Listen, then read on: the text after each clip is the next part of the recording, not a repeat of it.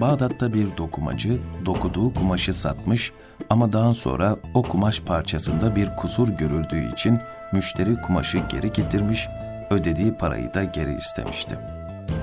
Bu durum karşısında adamcağız kumaşı tezgaha öylece bırakıp ağlamaya başladı.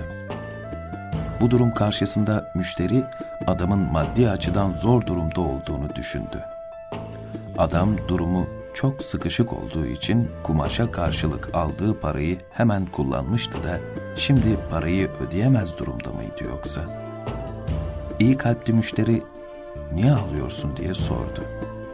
Kumaşı geri verdik diye ağlıyorsan dert etme. Kumaşı geri götürürüm, parayı da geri istemem. Dokumacı hayır dedi. Kumaş için ağlamıyorum. Kumaşın bir kusuru görüldü de geri çevrildi. Peki ya ömür boyu yaptıklarım Allah'ın huzuruna arz olunduğunda böyle bir kusur yüzünden geri çevrilecek olursam ne olur benim halim? Siz kumaşı iade ederken aklıma bu geldi de bunun için ağladım. Hayat kumaş gibi değil ki. Düzeltilsin yahut tekrar dokunsun.''